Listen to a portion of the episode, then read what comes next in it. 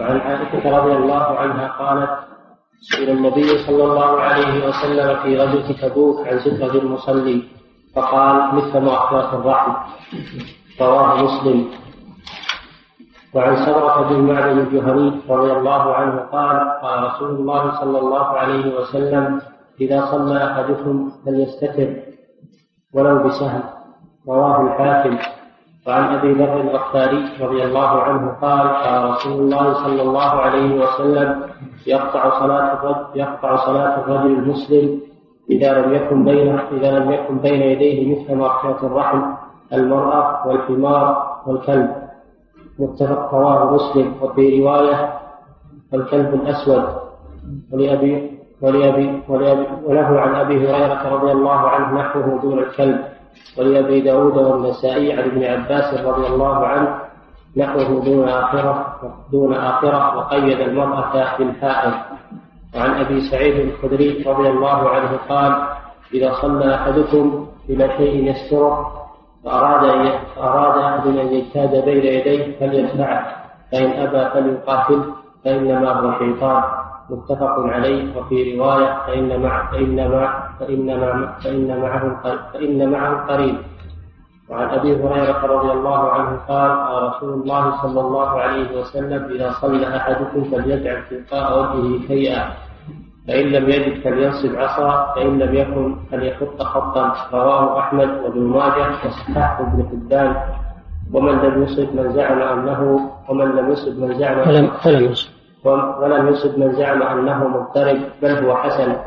وعن أبي سعيد الخدري رضي الله عنه قال لا يقطع الصلاة شيء رواه لا يقطع الصلاة شيء وادرأوا ما استطعتم. رواه أبو داود وفي سنده ضعف. بسم الله الرحمن الرحيم. الحمد لله رب العالمين. صلى الله وسلم على نبينا محمد وعلى آله وصحبه وبعد.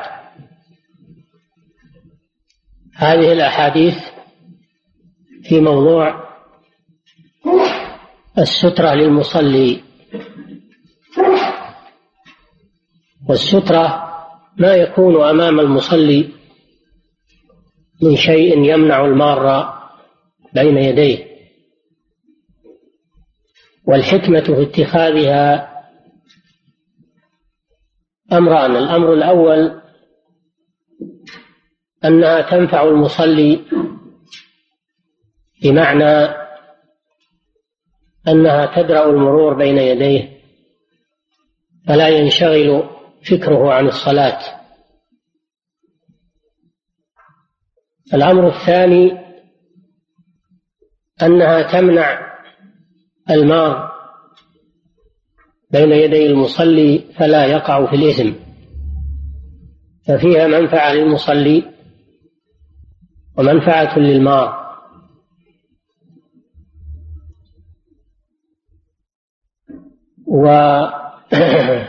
واتخاذ السترة سنة وفيها فائدة عظيمة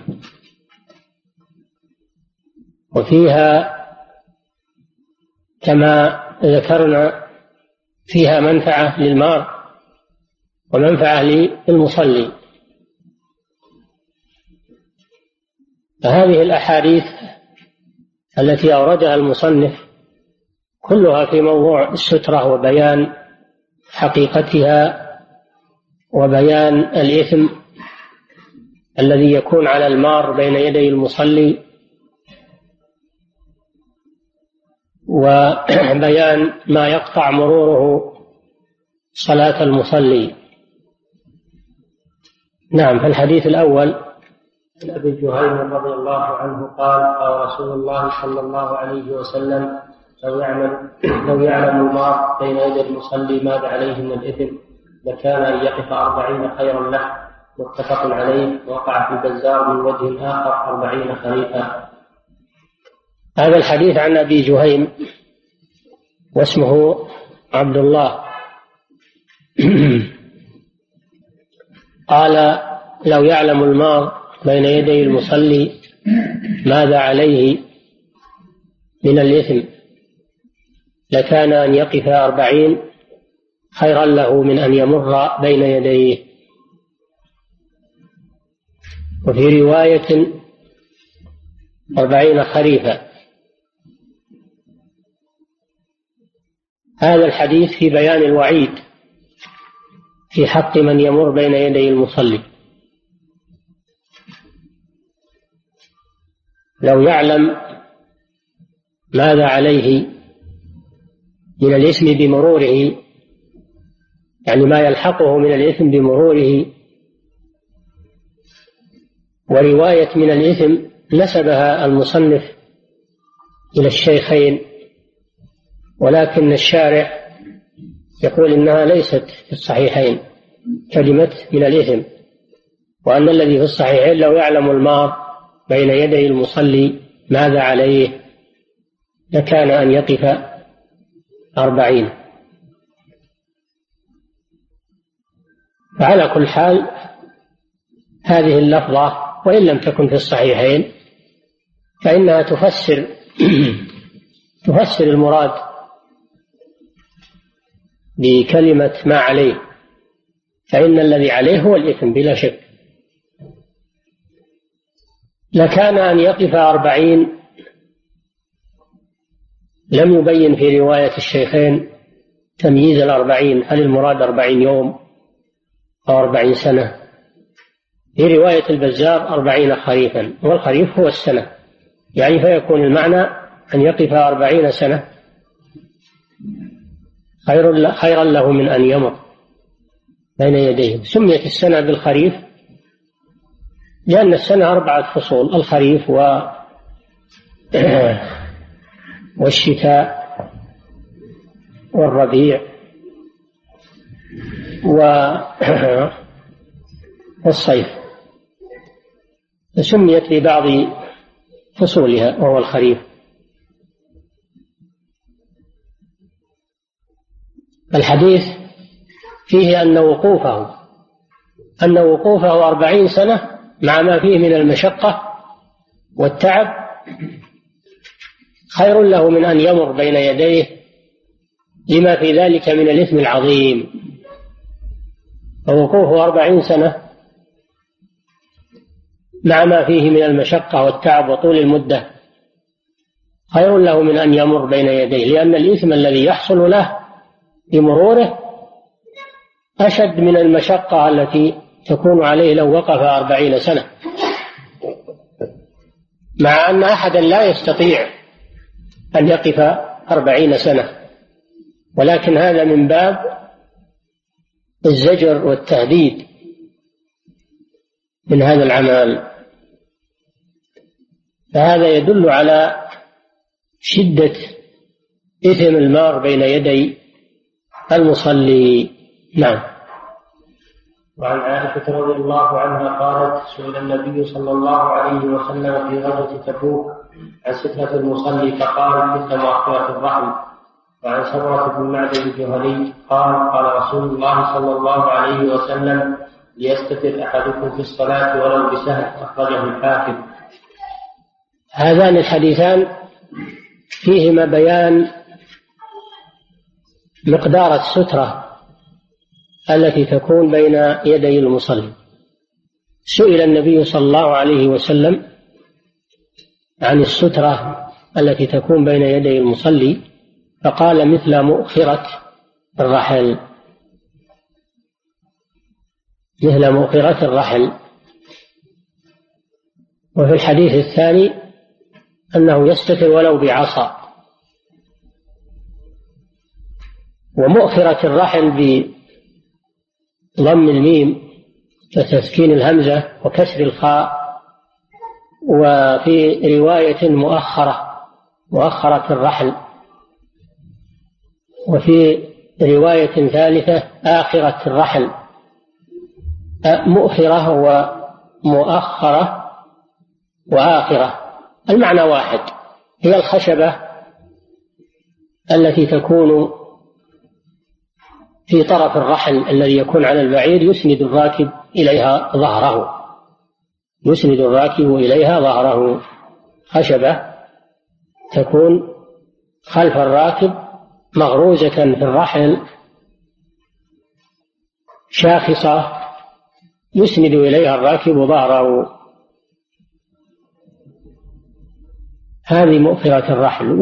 وقدروها بمقدار ثلثي ذراع. مقدار ثلثي ذراع. فإذا كان أمام المصلي شيء شاخص يعني مرتفع بمقدار ثلثي ذراع فإنه قد تحققت له السترة التي تمنع المرور.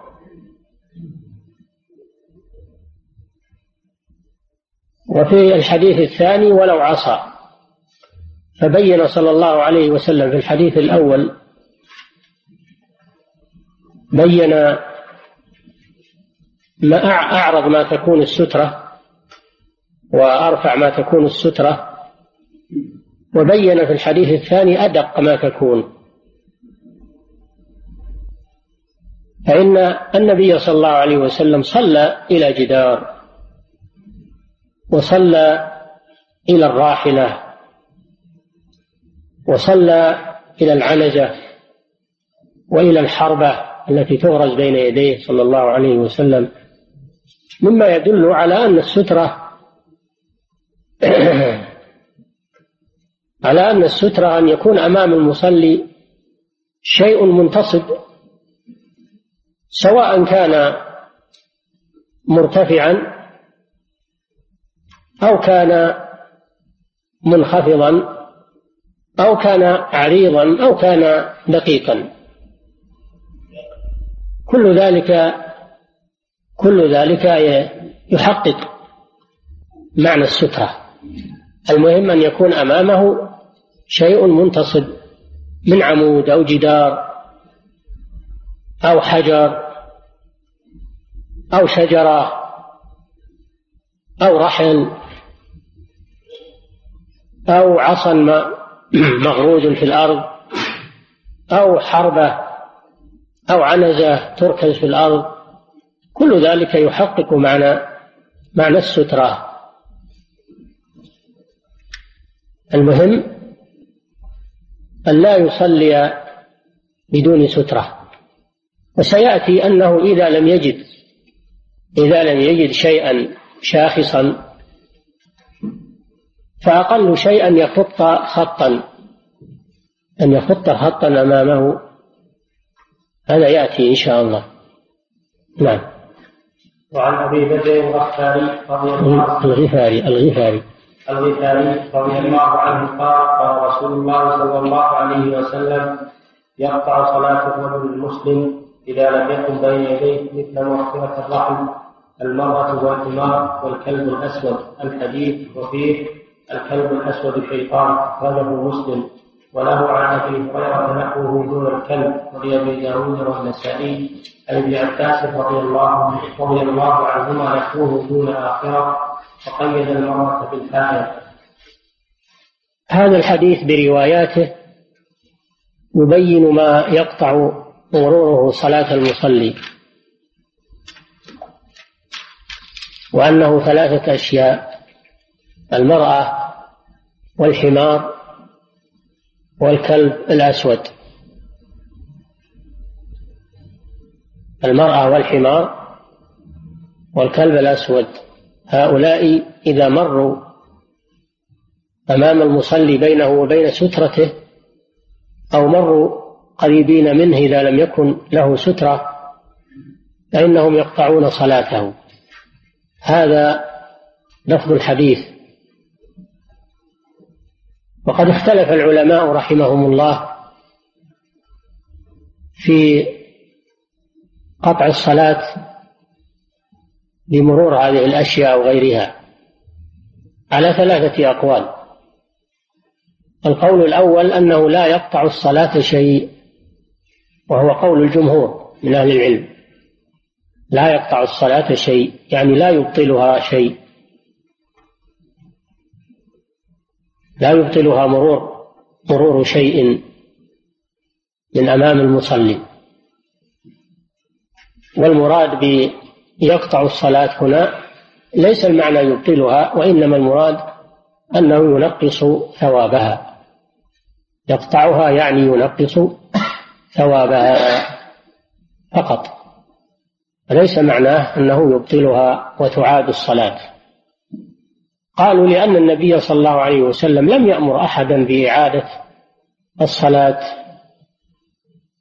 من مرور هذه الأشياء وإنما المراد بقطعها نقصانها ونقص أجرها وثوابها وليس المراد إفساد الصلاة. القول الثاني أن الصلاة تقطعها هذه الثلاثة بمعنى أنها تبطلها. على ظاهر الحديث هذه الثلاثة تقطع الصلاة بمعنى أنها تبطلها. على ظاهر الحديث. وهذا رواية في مذهب الإمام أحمد. اختارها شيخ الإسلام بن تيمية تلميذه ابن القيم. وهي قول ابن حزم. أخذا بظاهر الحديث لأن ظاهر القطع البطلان ويحمل اللفظ على ظاهره ما لم يرد دليل يصرفه عن ظاهره.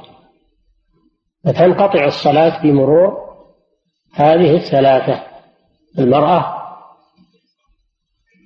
والحمار والكلب. ولكن الكلب المراد به الكلب الأسود سوادا خالصا. الأسود البهيم. البهيم يعني الذي سواده خالص ليس فيه لون غير السواد. وقد علله في الحديث بأنه شيطان. بأنه شيطان أي أن الشيطان يتشكل به. الشياطين عندهم مقدرة على التشكل بأشكال شتى صور آدميين صور حيوانات صور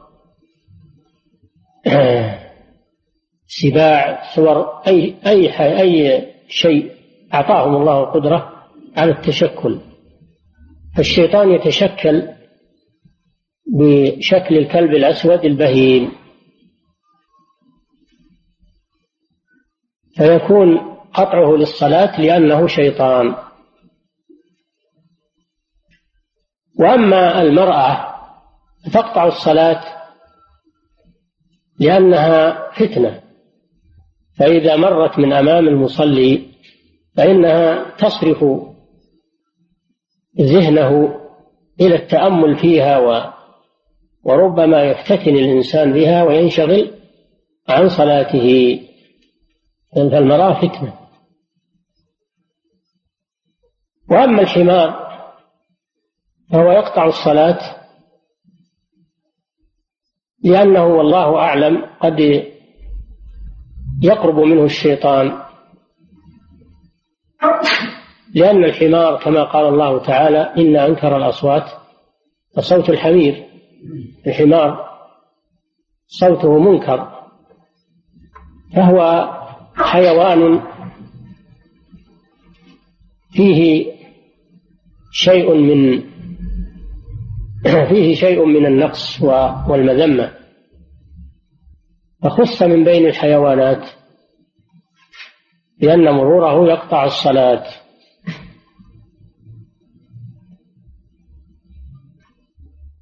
هذا القول الثاني أن هذه الثلاثة تقطع الصلاة. القول الثالث وهو رواية وهو مذهب الإمام أحمد. القول الثالث وهو مذهب الإمام أحمد كما في متن الزاد وغيره من كتب المذهب أنه لا يقطع الصلاة إلا الكلب الأسود البهيم. ولهذا يقول في متن الزاد وتبطل بمرور كلب أسود بهيم فقط. تبطل بمرور كلب أسود بهيم فقط. هذا هو مذهب الحنابلة. وخصوا الكلب لأنه شيطان كما في هذا الحديث. لأنه شيطان فهو يبطل الصلاة. أما المرأة والحمار فلا تبطل الصلاة فلا يبطلان الصلاة لأنه لم يعلل في حقهما ما علل بحق الكلب. فيكون قطع الصلاة بالنسبة لهما نقصان الثواب. نقصان الثواب فقط. أما بالنسبة للكلب فيكون بطلان الصلاة على ظاهره. هذه أقوالهم في هذه المسألة والراجح والله أعلم هو القول الثاني أنها تبطل بمرور الثلاثة لظاهر الحديث ولعدم وجود ما يصرفه عن هذا الظاهر. قالوا إن ابن عباس رضي الله عنه مر على أتان في منى والنبي صلى الله عليه وسلم يصلي بأصحابه مر من أمام الصفوف ولم ينكر عليه النبي صلى الله عليه وسلم ولكن الجواب أن هذا أن أن أن سترة الإمام سترة للمأمومين. فابن عباس مر من أمام المأمومين ولم يمر من أمام الرسول صلى الله عليه وسلم. فلا دليل فيه على أن مرور الحمار لا يقطع الصلاة لأن سترة المأموم سترة إمامه. فيبقى الحديث على ظاهره وأن الصلاة تنقطع وتفسد بمرور هذه الثلاثة. نعم. وعن أبي سعيد الخدري رضي الله عنه قال قال رسول الله صلى الله عليه وسلم إذا صلى شيء يستره من الناس فأراد احد أن يجتاز بين يديه فليدفعه فإن أبى فليقاتل فإنما هو شيطان متفق عليه وفي رواية فإن معه قريب. وعن أبي هريرة هذا الحديث إذا صلى أحدكم إلى شيء يستره فأراد أحد أن يمر بين يديه فليدفعه. فإن أبى فليقاتله فإن معه القرين وفي رواية فإنما هو شيطان فليدفعه فإنما هو شيطان وفي رواية فإن معه القرين. هذا الحديث يدل على أن المصلي إذا اتخذ سترة أمامه وأراد أحد أن يمر بين يديه فإنه لا يمكنه. لا يمكنه من المرور بل يمنعه. فإن أصر على المرور فليقاتله أي فل فليدفعه بقوة. يقاتله يعني يدفعه بقوة. قاتله بيده بالضرب حتى يرتدع. وليس المراد أنه يقاتله بالسلاح. وإنما معنى المقاتلة هنا المدافعة باليد مثل قوله تعالى في قصة موسى فوجد فيها رجلين يقتتلان يعني يتضاربان هذا من شيعته وهذا من عده يتضاربان فالمقاتلة تطلق ويراد بها المضاربة فمعنى فليقاتله يعني فليضربه فليضربه فإن معه فإنما هو شيطان. يعني متمرد معنى شيطان متمرد. لأنه إذا أصر على المرور فهذا دليل على تمرده. فيكون شيطانا من شياطين الإنس لأن الإنس منهم شياطين. قال تعالى شياطين الإنس والجن. يوحي بعضهم إلى بعض زخرف القول غرورا فكل متمرد فإنه يسمى شيطانا سواء من الآدميين أو من الجن أو من البهائم. كل متمرد يسمى شيطانا سواء كان من الآدميين أو من الدواب أو من الجن. وأصله من شاط يشيط إذا اشتد أو من شطن يشطن إذا بعد لأن الشيطان بعيد عن رحمة الله عز وجل. هذا أصل اشتقاقه من الشيط وهو الشدة أو من الشطن وهو البعد. فإنما هو شيطان يعني من شياطين الإنس لأنه أبى أن يمتنع من المعصية لأن المرور بين يدي المصلي معصية. وهو أبى وأراد الاعتداء فهو شيطان من هذه الناحية. وهذا يكون من باب دفع الصائل من باب دفع الصائل. إذا صال أحد على حق أحد فلصاحب الحق المدافعة لصاحب الحق المدافعة. ولو أدى هذا إلى قتله إذا لم يندفع الصائل إلا بالقتل فإنه يقتل إذا كان صياله على النفس أو على المال أو على العرض. إذا كان الصيال على النفس أو على المال أو على العرض فإنه يدافع بالأسهل فالأسهل وإن لم يندفع إلا بالقتل فإنه يقتل وقتله هدر. قتله هدر لأنه ظالم ومعتد لكن المراد هنا بالمقاتلة المدافعة بالضرب. ليس المراد القتل الذي هو الإزهاق.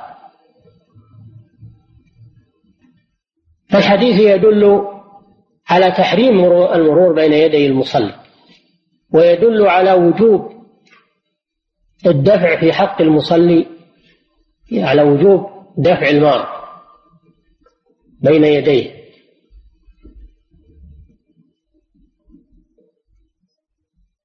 هذا إذا مر بينه وبين سترته أما إذا مر من وراء السترة فإنه لا يضره ولا وليس له الحق في أن يمنعه. من مر من وراء السترة ليس له الحق في أن يمنعه. ويجوز المرور من وراء السترة. وكذلك إذا لم يكن له سترة فإن المفرط هو المصلي.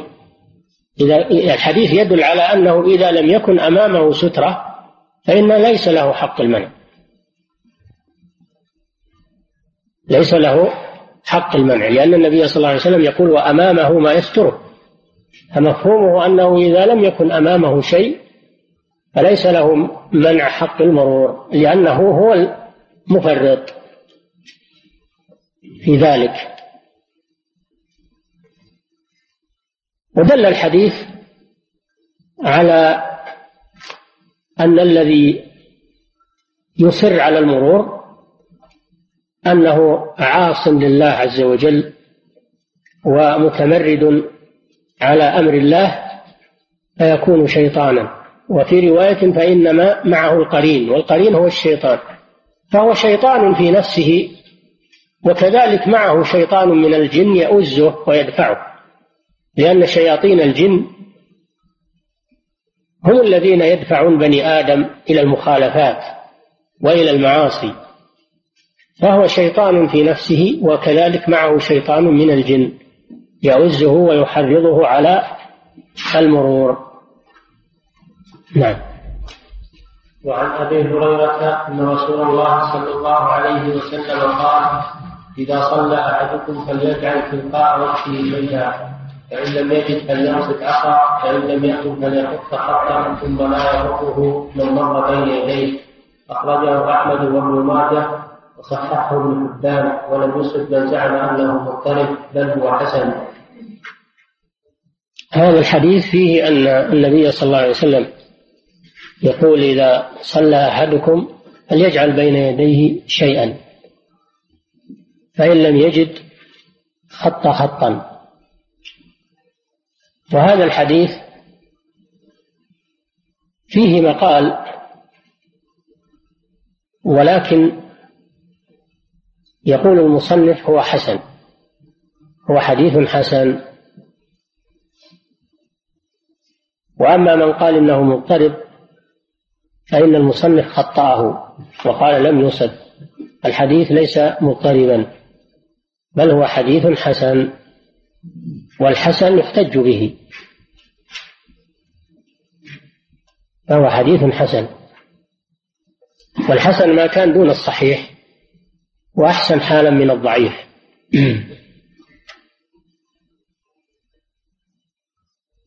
في في الحديث أنه لا بد للمصلي أن يجعل أمامه شيئا. يحدد يحدد الحرمة التي لا يجوز المرور فيها. بأن يجعل أمامه شيئا شاخصا سواء كان كبيرا أو صغيرا. ولو عصا يركزه أو حربة أو سهم يغرزه في الأرض أو عنزة فإذا لم يستطع غرزه في الأرض لصلابتها فإنه يعرضه أمامه يعرض العصا أو الحربة أو العنزة يعرضها أمامه عرضا. فإذا لم يجد ولا عصا فإنه يخط خطا في الأرض. يخط خطا في الأرض على شكل هلال كما يقول الفقهاء يكون مقوسا على شكل على شكل الهلال. وإن جعله معترضا مستقيما فلا بأس. وإن جعله على شكل الهلال فإنه لا بأس. لأن الرسول صلى الله عليه وسلم قال يخط خطا ولم يحدد شكل الخط إلا أنه يكون معترضا بين يديه. يحمي له حرمة الصلاة. هذا ما يدل عليه هذا الحديث وأنه لا يصلي وليس أمامه شيء.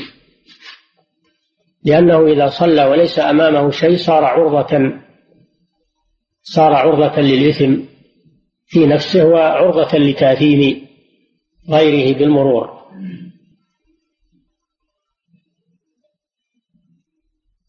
واستثنى العلماء رحمهم الله أو أو بعض العلماء أو كثير من العلماء استثنوا مواطن الزحام الشديد مثل الحرمين مثل الحرمين والجوامع الكبار التي فيها زحام شديد فإن المصلي لا يمنع المار بين يديه في شدة الزحام لأن هذا يحرج الناس. والأمر إذا ضاق اتسع. فلو أنك صليت في المسجد الحرام أو في المسجد النبوي وأردت أن تمنع المارة ما ما استطعت. المارة كثير والموطن زحام. وهذا فيه مشقة عليك وعلى المارة. والأمر ولله الحمد إذا اشتد اتسع. والضرورة لها حكم. إلا ما اضطررتم إليه.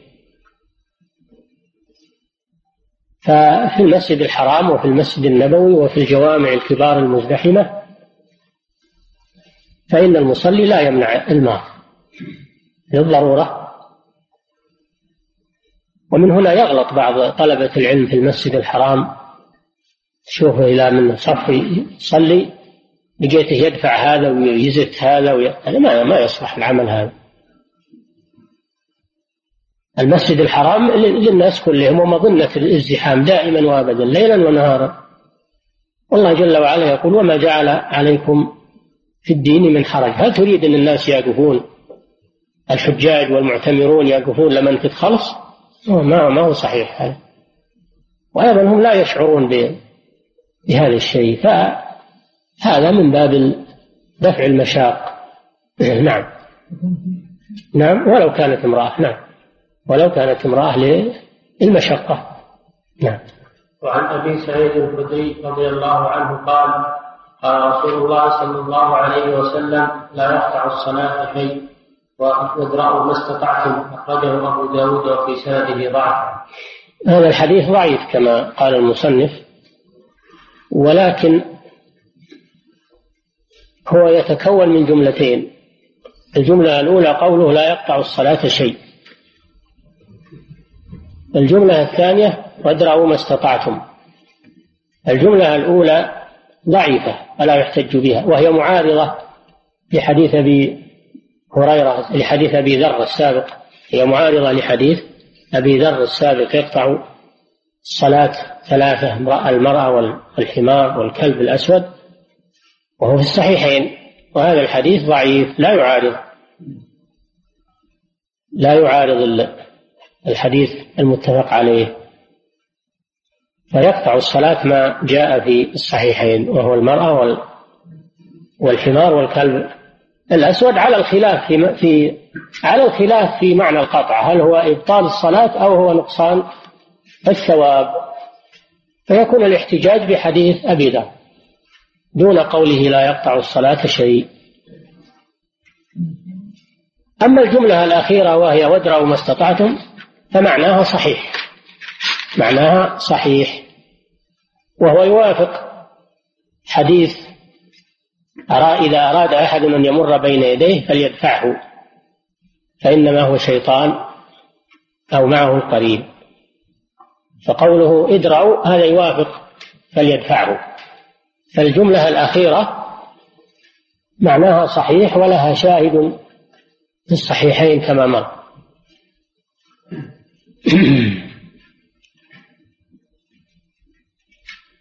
نعم. قد أتينا على أحاديث الباب فنرجع الآن إلى ذكر الفوائد المستنبطة من هذه الأحاديث. استفاد من هذه الأحاديث مسائل في السترة. مسائل في حكم السترة. المسألة الأولى في الأحاديث مشروعية اتخاذ السترة للمصلي. مشروعية اتخاذ السترة للمصلي. والجمهور من أهل العلم أو الإجماع كما ذكر بعضهم الإجماع من أهل العلم كما ذكر بعضهم أو الجمهور يقولون أن اتخاذ السترة سنة وليس بواجب. اتخاذ السنة السترة سنة وليس بواجب. ما الدليل على صرفه عن الوجوب؟ قالوا لأن النبي صلى الله عليه وسلم روي عنه أنه صلى بعض المرات من غير سترة صلى في البر من دون سترة كما في رواية كما في مسند أحمد وأبي داود أنه صلى الله عليه وسلم صلى في بعض المرات في البر وليس أمامه سترة. وأيضا صلى في المسجد الحرام والناس يطوفون من أمامه ويمرون ولم يتخذ سترة عليه الصلاة والسلام. فهذا دليل على أن اتخاذ السترة سنة لأن تركه لها بعض المرات دليل على بيان الجواز دليل على بيان الجواز وأن الأمر ليس للوجوب وإنما هو للاستحباب. النبي صلى الله عليه وسلم إذا فعل شيء إذا أمر بشيء ثم فعل خلافه فهذا دليل على أنه أراد أن يبين المراد بالأمر وأنه للاستحباب وليس للوجوب. فقد يأمر بشيء ويفعل خلافه لبيان الجواز وقد ينهى عن شيء ويفعله لبيان الجواز لأنه عليه الصلاة والسلام يبين للناس ما نزل إليهم. المسألة الثانية في الأحاديث دليل على شدة الوعيد في حق من يمر بين يدي المصلي.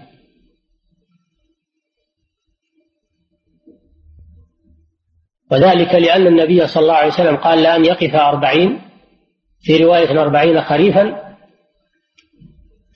خير له من أن يمر بين يديه. وهذا وعيد شديد. وأمر صلى الله عليه وسلم بمدافعته. ومقاتلته ووصفه بأنه شيطان وأن معه قرين. كل هذا يدل على تحريم المرور بين يدي المصلي إلا في حالة الضرورة كما ذكرنا. المسألة الثالثة في الحديث دليل على أن المصلي إذا اتخذ سترة فإنه يحرم المرور بينه وبين سترته. أما إذا لم يتخذ سترة فإنه لا مانع من المرور ويكون الإثم عليه هو لأنه هو المفرط. لأنه هو المفرط في عدم اتخاذ السترة.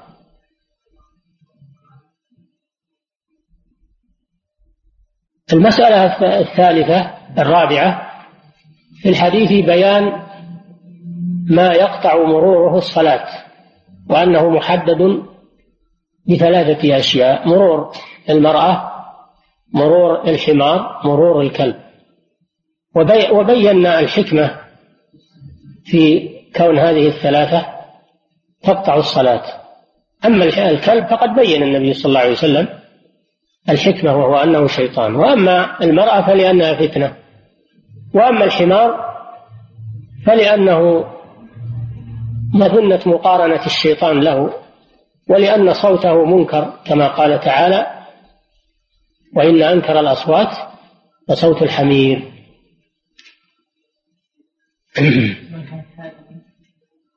المرأة مطلقة سواء كانت حائضا أو غير حائض ورواية تقييدها بالحائض هذه غير صحيحة يقولون.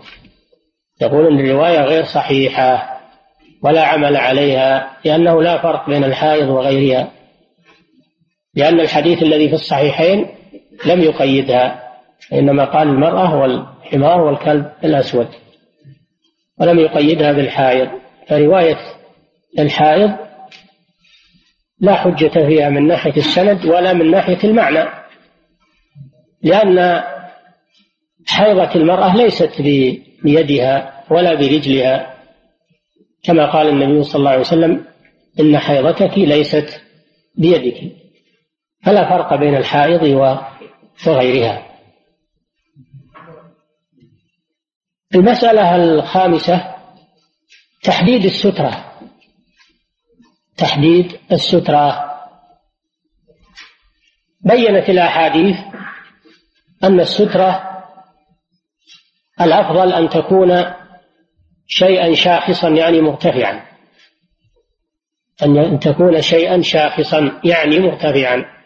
إما عمود وإما جدار وإما حجر وإما عصا أو حربة أو عنزة تركز أمام أمام المصلي.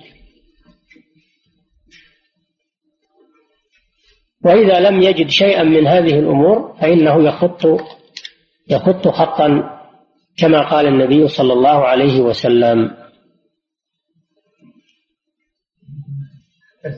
وقالوا إنه إذا صلى إلى شيء إذا إذا عمود إذا صلى إلى عمود أو إلى حربة فإنه لا لا يقصدها قصدا وإنما يجعلها على جانبه على حاجبه الأيمن أو حاجبه الأيسر. ولا يصمد إليها صمدا فلا يصمد أمام العمود أو أمام الشيء المرتفع أمامه لأنه لأن في ذلك تشبها بعبدة الأصنام. وكان النبي صلى الله عليه وسلم إذا صلى إلى عمود أو إلى شيء شاخص لا يصمد إليه صمدا وإنما يتمايل عنه قليلا لأن يجعله على عينه اليسرى أو على عينه اليمنى.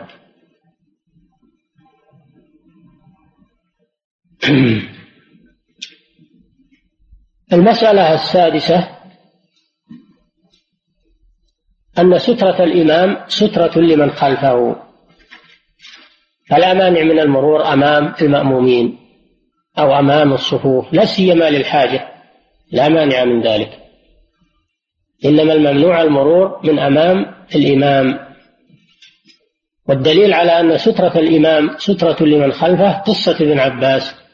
لما مر راكبا على أتان ومر من أمام الصفوف ولم ينكر عليه النبي صلى الله عليه وسلم. دل على أن سترة المأمومين سترة إمامهم. وهذا لا خلاف فيه بين أهل العلم. عن المأموم.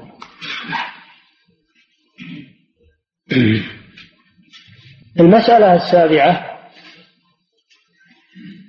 ما هي المسافة التي تكون بين المصلي وبين سترته؟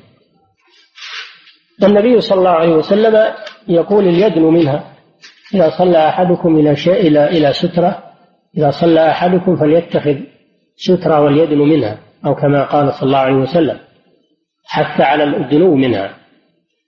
فما مقدار المسافة؟ التي تكون بينه وبين السترة. حددوها بثلاثة أذرع. حددوها بثلاثة أذرع من قدميه. فيكون بينه وبين السترة مقدار ثلاثة أذرع فأقل. ولا يبتعد عنها أكثر من ثلاثة أذرع. لأن النبي صلى الله عليه وسلم صلى في الكعبة وبينه وبين جدارها ثلاثة أذرع لما قاسوه. وكذلك كان صلى الله عليه وسلم يصلي إلى الجدار ويكون بينه وبين الجدار ممر الشاة. يكون بينه وبين الجدار ممر الشاة. هذا هو المقدار الذي يكون بين يعني الحد الأعلى. وكل ما قرب منها فهو أفضل. لكن الحد الأعلى فيما بينه وبينها ثلاثة أذرع أو ممر شاة وكل ما قرب منها فهو أفضل. لأن كل ما قرب منها حصل له الامتناع من المرور من أمامه المسألة السابعة نعم الثامنة المسألة الثامنة وهي فرعية. يقولون هل هل الاضطجاع أمام المصلي الاضطجاع أمام المصلي أو مد الرجل أمامه أو الجلوس أمامه يعني يجعل ظهره أمامه هل هذا مثل المرور الأكثر على أنه ليس مثل المرور لو جلس وترك ظهره إلى المصلي أو نام اضطجع أمام المصلي أو مد رجليه أمام المصلي فلا مانع من ذلك. هذا قول الأكثر من أهل العلم لأن هذا لا يسمى مرورا لأن هذا لا يسمى مرورا. وأيضا عائشة رضي الله عنها كانت تنام وتمد رجلها أمام النبي صلى الله عليه وسلم وهو يصلي من الليل.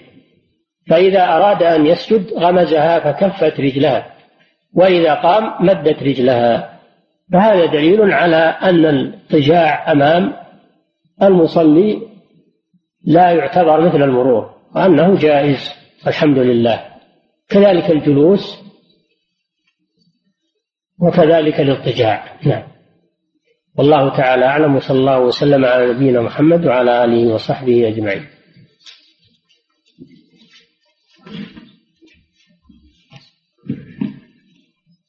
نعم. بسم الله الرحمن الرحيم. الحمد لله رب العالمين صلى الله وسلم على نبينا محمد وعلى آله وصحبه أجمعين. فضيلة الشيخ ما الحكم من صلى خلف الإمام ثم سلم إمامه فأخذ يقضي ما فاته ثم مر مر بين يديه فهل يدفعه وهل يأسف من تركه؟ قلنا إن سترة الإمام سترة للمأموم فإذا سبق ببعض الصلاة وقام يقضي فلا ينبغي المرور من أمامه لكن لا يكون مثل المنفرد. لا يكون مثل المنفرد. هذا لا يزال مأموما. لا يزال مأموما. لأنه تابع للإمام. ولم يدخل في الصلاة منفردا. لكن مع هذا ينبغي تحاشي المرور بين يديه. نعم. فضيلة الشيخ هل إذا وقع رجل سترة بأقل من ثلث الذراع لا تعتبر سترة له؟ هل إيه؟ هل إذا وضع الرجل سترته بأقل من ثلث الذراع لا تعتبر سترة؟ له؟ تعتبر سترة ولو كان ارتفاعها قليلا لكن الأفضل الأفضل والأكمل أن تكون بقدر مؤخرة الرحل. هذا من باب الأكمل. ولو كانت صغيرة أو منخفضة الخط ورد أن الخط أيضا يكون سترة والعصا لو عرضه يكون سترة. فلا مانع من ذلك. لكن يتعلق بهذا مسألة يسأل عنها كثير من الناس وهي ما إذا كان يصلي على سجاده. صلي على سجادة. هل طرف السجادة يعتبر سترة؟ أو لا يعتبر سترة؟ الظاهر أنه لا يعتبر سترة. الظاهر أنه لا يعتبر سترة. وإن كان بعض الشافعية يرى أنه يعتبر سترة. نعم. فضيلة الشيخ هل يجوز اتخاذ الإنسان سترة للمصلي؟ نعم نصوا على هذا. نص أهل العلم على أنه لو صلى إلى ظهر إنسان تكون سترة له. لأن هذا الإنسان يدفع المار عنه. لكن المشكلة قام. ها؟ يبقى بدون سترة. إلا إن كانوا متفقين هو وياه. إذا كان بينهم اتفاق فلا بأس. نعم. فضيلة الشيخ هل يصح أن ينوي المصلي أن يكون حتى سترة؟ حتى إيش؟ هل يصح أن هل يصح أن ينوي المصلي أن يكون حتى الفراش سترة؟ هذا الذي أجبنا عن هذا قلنا لا يعتبر سترة حد الفراش لا يعتبر سترة نعم إذا اتخذ أصل في فرش المسجد سترة للمصلي كان يجوز إذا إيش؟ اتخذ أصل في فرش المسجد لا يكفي هذا لأنه إذا كان في المسجد فبإمكانه أن يستقبل الجدار أو يستقبل العمود أو يجعل أمامه عصا معروضة أو شيئا معه يجعله أمامه. المسجد يجد أشياء يجعلها أمامه إنما الخط إذا لم يجد شيئا لأن الرسول صلى الله عليه وسلم يقول فإن لم يجد شيئا والذي في المسجد يجد أشياء. نعم ها؟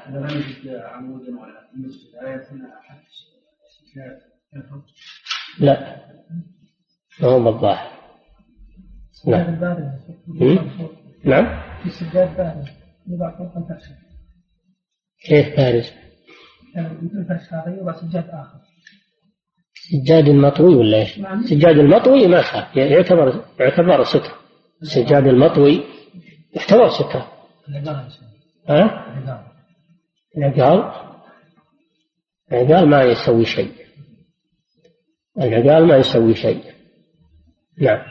لكن على الأقل إذا لم يجد شيئا أبدا ووضع العقال أمامه هذا أقل شيء. يعني المار يشعر بأنه حايل تجنبه هو على كل حال العقال وجوده خير من لا شيء. نعم.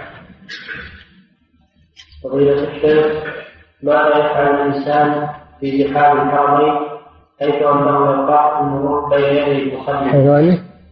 حيث أنه؟ يشرع للمرور بين يدي المصلي. هذا أجبنا عنه قلنا أن الحرمين مستثنيان للمشقة ولأن النبي صلى الله عليه وسلم صلى في المسجد الحرام والناس يمرون أمامه الرجال والنساء ويطوفون أمامه ولم يمنعهم عليه الصلاة والسلام. نعم. فضيلة الشيخ ماذا قلتم في الراجح من الأقوال قبل الصلاة وما هو الحديث المضطرب أنا سمعتم الراجح وهو ما رجحه الشيخ تقي الدين وابن القيم أن هذه الثلاثة المذكورة تقطع الصلاة. قطع إبطال قطع إبطال. هذا هو الراجح. والحديث المضطرب عرفه أهل المصطلح لأنه الذي تختلف رواياته. المضطرب هو الذي تختلف رواياته يكثر فيها الاختلاف. نعم. فضيلة الشيخ قلتم إن الجمهور يقولون السترة ليست واجبة فكيف تصف حديث النبي صلى الله عليه وسلم؟ أنا ما قلت هذا من عندي هذا قاله الشراح وأهل العلم. وقلنا إن الدليل أن الرسول ما أمر. ما أمر أحدا أن يعيد الصلاة. ما روي عنه أنه أمر أحدا أن يعيد الصلاة في سنته صلى الله عليه وسلم مع أنه لا بد أن يكون هناك من يصلون بدون سترة. بل هو صلى الله عليه وسلم صلى بدون سترة. بل الإجماع يقولون الإجماع على أن على أن اتخاذ السترة ليس واجبا وإنما هو سنة. نعم. ألا ينبغي التشدد في بعض في هذه الأمور؟ في قال اللي ما يصلي إلى سترة تبطل صلاته. هذا ما قالها أحد من أهل العلم. وإن قال بعض المعاصرين هذا قول شاذ لا عبرة به. نعم. نعم. حديث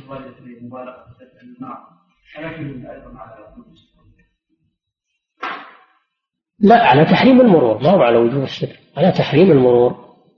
إنما جعلت السترة وقاية فقط. نعم. الشيخ هل إذا صلت امرأة ومر أمامها امرأة أخرى هل تبطل صلاتها؟ قالوا لا تبطلوا صلاتها لأن الرسول صلى الله عليه وسلم يقول إذا صلى الرجل المسلم. الحديث الذي سمعتم إذا صلى الرجل المسلم فمفهومه أن المرأة ليست كذلك لا تقطع صلاة المرأة. وعلى كل حال الاحتياط ترك هذا الشيء ترك هذا الشيء. لكن الحديث يدل بمفهومه على أن هذا خاص بمرور المرأة أمام الرجل. أما مرورها أمام المرأة فمفهوم الحديث أنه لا يؤثر. نعم. فضيلة الشيخ الجواب عن الاستدلال بحديث عائشة رضي الله عنها كان النبي صلى الله عليه وسلم يصلي وأنا بحيرة بين يديه. هذا ليس مرورا. هذا ليس مرورا إنما هو اعتراض فقط. والنبي صلى الله عليه وسلم إنما نهى عن المرور والعبور. أما الإنسان الثابت والجالس والمضطجع هذا ليس مارا. نعم. فضيلة الشيخ دخلت في أحد المصليات في أحد مدن المملكة ولاحظت وجود بعض الأحجار المقوسة كتب على كل واحدة منها سترة فما حكم هذا العمل؟ كيف أحجار مقوسة؟ للإمام يعني المحراب. إذا كانت معدة لمقام الإمام وهي محراب فلا بأس. ولكن لا يكتب عليها. تكره الكتابة في المساجد. كتابة تكره في المساجد على جدرانها أو على محاريبها أو على أبوابها. تكره الكتابة على المساجد. نعم. نعم. هذا تشدد. يعني إنها يحط بالمسجد أحجار علشان من دخل يأخذ حجر. هذا تشدد وقد يفضي إلى اعتقاد سيء بهذه الأحجار لأن العوام قد يعتقدون بهذه الأحجار ان فيها بركة فيها خير. فهذا لا يجوز. ولم يكن النبي صلى الله عليه وسلم يعد أحجارا في مسجده ولا أمر بذلك. هذا من التشدد الذي وقد يؤول إلى إلى شر وإلى اعتقاد باطل بهذه الأحجار. وما أسرع الناس ما أسرع الناس إلى الاعتقاد الباطل. نعم. فضيلة الشيخ في حديث ابن عباس رضي الله عنه والمسجد لا يكون فيه سترة معينة إلا للإمام. إلا للإمام. أما المأمومون يصلون على إلى العمود إلى القواطع التي في المسجد إلى الجدران. نعم. فضيلة الشيخ في حديث ابن عباس رضي الله عنهما في الصحيحين أن الرسول صلى الله عليه وسلم لم يكن مستتر مستتر بسترة. فقال ابن عباس صلى النبي صلى الله عليه وسلم بمنى إلى غير إجارة فأقبلت راكبا على حمار أتان الحديث فكيف الجمع بينه وبين قولكم إن الرسول صلى الله عليه وسلم كان مستتر وسترة الإمام سترة للمأمومين. الجواب أن ابن عباس لم يمر من أمام الرسول صلى الله عليه وسلم وإنما مر من أمام المأمومين ولم ينكر عليه النبي صلى الله عليه وسلم ولم ينكر عليه الصحابة مر من أمام المأمومين. نعم. فضيلة الشيخ اشتريت قطعة الأرض من رجل وهو قد اشتراها من شخص آخر ولم يفرغ صفهما له بعد وقد اختلف سعر الشراء سعر الشراء فإذا أردت أن أنقلها لي هل أكتب سعر شرائي منه مع أنه سيحولني سيحولني للأول أو السعر مختلف فما هو الحل وهل يجوز ما فهم ما فهمنا السؤال هذا.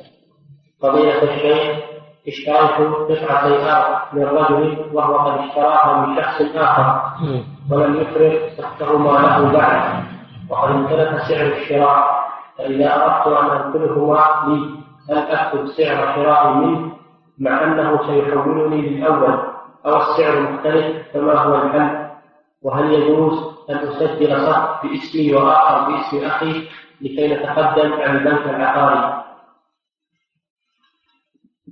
هذه المسألة إذا كان حصل بينكم إيجاب وقبول إيجاب من البائع وقبول منك قد تم العقد.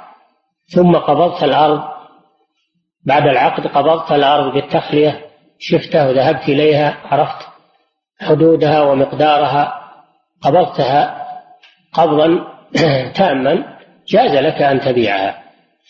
أما أن تبيعها وأنت لم تقبضها ولم تعرفها وإنما بموجب الوصف فقط بموجب العقد فقط فلا يجوز هذا البيع. لأن النبي صلى الله عليه وسلم نهى عن بيع الأشياء قبل قبضها. وأما الثمن أن تكتب الثمن الذي اشتريتها به. تقول اشتريت من فلان الأرض الفلانية بثمن مقداره كذا وكذا. ولا عليك من الثمن اللي اشتراه هو به. ما عليك من الثمن الذي اشتراه هو.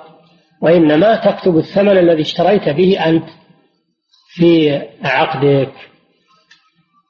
وأما الاحتيال في أن تجعل نصف الأرض باسم أخيك ونصفها باسمك علشان تأخذون من البنك. إن كان القصد من هذا مجرد الاحتيال فهو لا يجوز. وإن كان القصد أنك تبي تعطيه نصف الأرض عطية تملكه إياه ملك. هذا هذا شيء طيب الله يجزاك خير. وهذه صلة رحم. إذا كنت بتعطيه نصف الأرض يتملكها ويعمر عليها ويأخذ من البنك فهذا شيء طيب ومساعدة لأخيك. أما إذا كان الأرض باقية على ملكك وإنما جعلت نصفها باسمه من باب الحيلة وهي على ملكك فهذا لا يجوز. وهذا تمويه على المسؤولين. وهذا يفعله كثير من الناس ولا يبالون. الحيل لا تجوز. لا بد من الصدق والأمانة في حق ولاة الأمور وفي حق غيرهم. لا يجوز الاحتيال والكذب. نعم. فضيلة الشيخ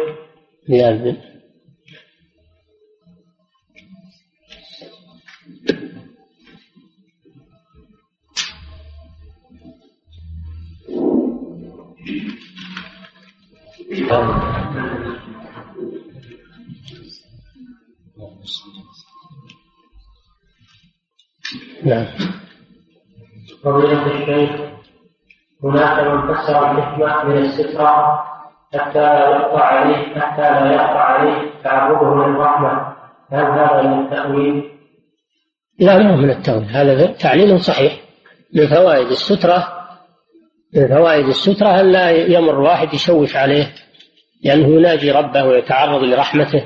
فإذا مر واحد شغل باله وفكره وقد ينصرف في بقلبه عن صلاته ويتابع هذا المار فينحرم من الرحمة ينحرم من الرحمة والإقبال من الله عز وجل عليه في صلاته. هذا كلام صحيح. نعم. فضيلة الشيخ إذا حصل الإمام أمر يقطع صلاته كخروج ريح وقطع صلاته فهل إذا مر الإمام بعد انقطاع صلاته أمام المأمومين فهل ذلك يقطع صلاته؟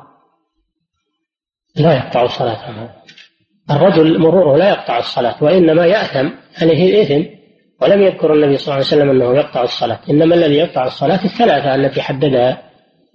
أما مرور الرجل فإنه إن كان لغير ضرورة فإنه يأثم به إثما شديدا. أما إن كان لضرورة فلا حرج. نعم. فضيلة الشيخ إذا نوى الرجل الرجل شيئا ككتاب مثلا وبينه رجل يصلي فهل هذا يقطع الصلاة؟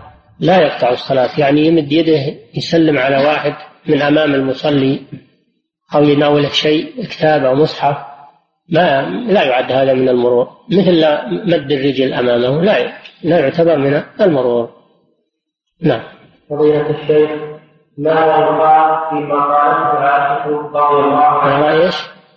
ماذا يقال فيما قالته عائشة رضي الله عنها؟ بئس ما شبهتمون به ثم ذكر الحديث. ما بلغها كأنه ما بلغها حديث الرسول صلى الله عليه وسلم. ما بلغها حديث الرسول صلى الله عليه وسلم وإنما ظنت أن هذا من كلام الصحابة. وإلا لو علمت أن هذا كلام الرسول ما ما اعترضت عليه. نعم. فضيلة الشيخ في بعض الأحيان الحلف يمينا أو يسارا في الصلاة. نعم. في بعض الأحيان الحلف يمينا أو يسارا في الصلاة. لأسمح بمرور شخص في الصلاة حتى لا يمر أحد من أمامي. فما رأيت في هذه الحركة وما مقدار الذراع. قصده أنه يتقدم يترك فرصة لمرور أحد. ها؟ نعم ما فهمت ما فهمت السؤال. إذا كان في صفوف متأخرة خرج واحد من الأمام يبتعد عنها أحيانا سهل الأمر سهل. يعني إذا ترك له فرجة يمر معها ما في مانع. نعم. ولا يعد هذا من الحركة التي تؤثر على الصلاة لأنها لحاجة. نعم. ها؟ لا تقدم أمام ما في بأس. يعني ما بين صف إلى صف لا بأس. خطوات اليسيرة النبي صلى الله عليه وسلم كان يصعد المنبر وهو في الصلاة وينزل من المنبر وهو في الصلاة؟ ويفتح الباب إذا استؤذن عليه وهو في الصلاة. الخطوات اليسيرة للحاجة ما فيها بأس. نعم.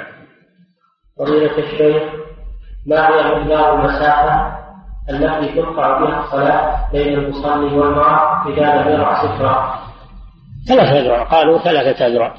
يعني يترك حريما للمصلي يترك حريما للمصلي بمقدار ثلاثة أذرع من قدميه. نعم. فضيلة الشيخ هل يجوز اتخاذ النعال سترا؟ لا مانع. إذا مثلا جمع النعال أو الخفاف حطها أمامه تعتبر سترة. نعم.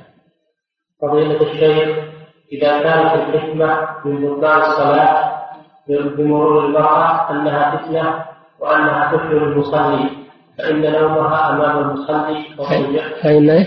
نومها أمام المصلي واضطجاعها وجلوسها من باب أولى. هذا ورد به الدليل. الذي ورد فيه الدليل لا كلام لنا فيه. لا كلام لنا فيه. مع أن التعليل هذا ليس نصا وإنما هو التماس. التماس علة.